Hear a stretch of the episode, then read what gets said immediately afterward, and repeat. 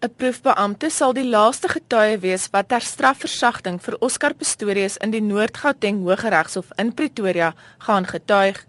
Pistorius se advokaat, Barry Roo, het reeds 3 getuies geroep om te getuig. Pistorius se agent, Piet van Sail, het 'n dokument van meer as 100 bladsye by die hof ingehandig wat Pistorius se liefdadigheidswerk beskryf.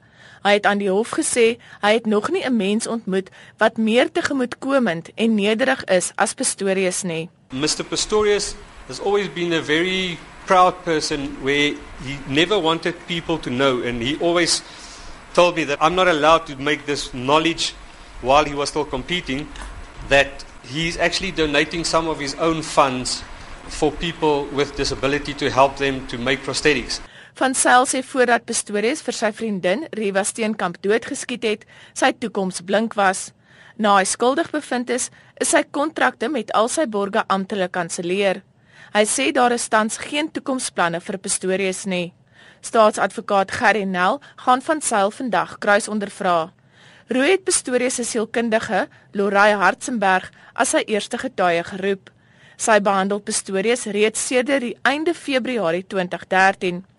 Hartzenberg het getuig Pistorius is met 'n posttraumatiese stresafwyking gediagnoseer. The effects of PTSD are such that the flashbacks and the re-experiencing of the shooting will be mental images he will always carry with him. making it difficult for him to escape from this.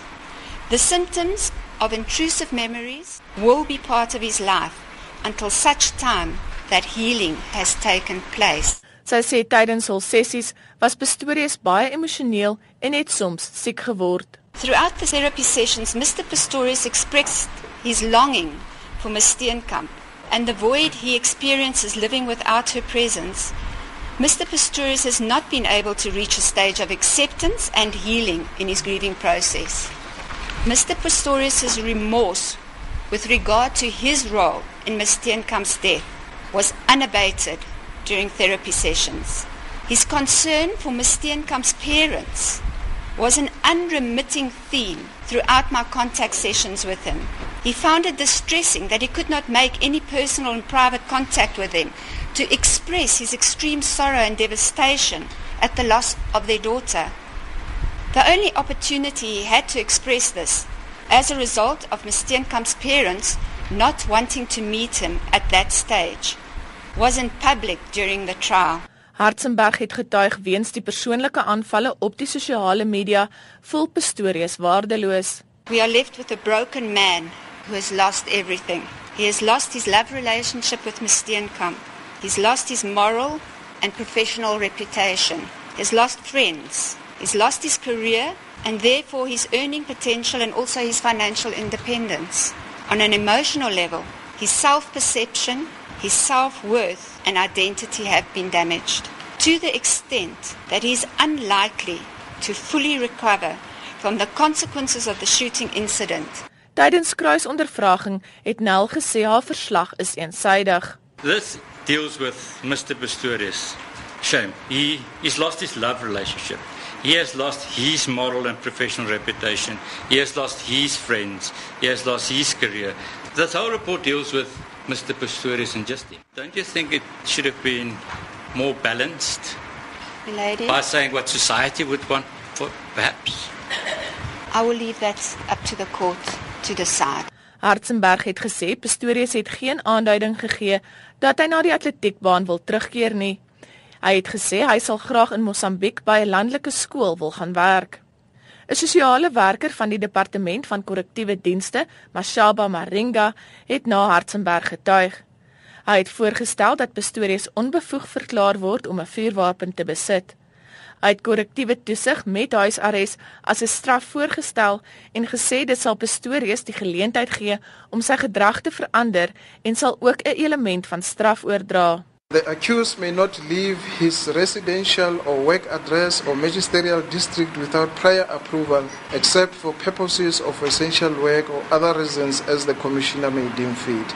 In order to satisfy the community's expectations with regard to retribution and compensation for the crime, it is recommended that the accused should perform free community service for 16 hours in a month with the possibility that the commissioner may suspend the number of hours partly or readjust them depending on the cooperation and compliance with the conditions in general. Hy het ook voorgestel dat Pistorius verskeie kursusse bywoon. Tydens die kruisondervraging het Nel vir Maringa daarvan beskuldig dat hy nie die vlak van nalatigheid in Pistorius se aksies verstaan nie. Nel sê huisarrest gaan geen straf vir Pistorius wees nie. Correctional supervision would allow him to go train, Yes, would allow him to take part in athletic meetings, that is correct. Yes. but if he's not training, he must go home. yes, And but that is what uh, a professional athlete would do, isn't it? that is correct. So that would be no sentence. How many years did you have in mind? Three years. Only three. Three years correctional supervision. And you think that that is in the interest of society, that reflects the seriousness of the crime, that somebody should be sent to three years correctional supervision for having killed an innocent woman in a house. I put to you that to even suggest three years is shockingly inappropriate for what happened in this matter. Shockingly inappropriate. 'n Senior advokaat en voormalige waarnemende regter, Johan Engelbrecht, stem saam dat Maringa se aanbeveling nie gepas is nie. In my opinie is dit nie. Ek dink daar moet verdere voorwaardes bykom soos byvoorbeeld restituisie en as ek praat van restituisie dan bedoel ek so in die omgewing van 2 miljoen, 3 miljoen rand om voorsiening te maak vir haar ouers se onderhoud wat hulle nou verbeur. Hy sê egter korrektiewe toesig en huisarrest is nie 'n maklike vonnis nie. Maar 3 jaar huisarrest is kwaai hoor. Huisarrest is 'n baie kwaai straf. Ons moet dit nie uit die oog uit verloor nie.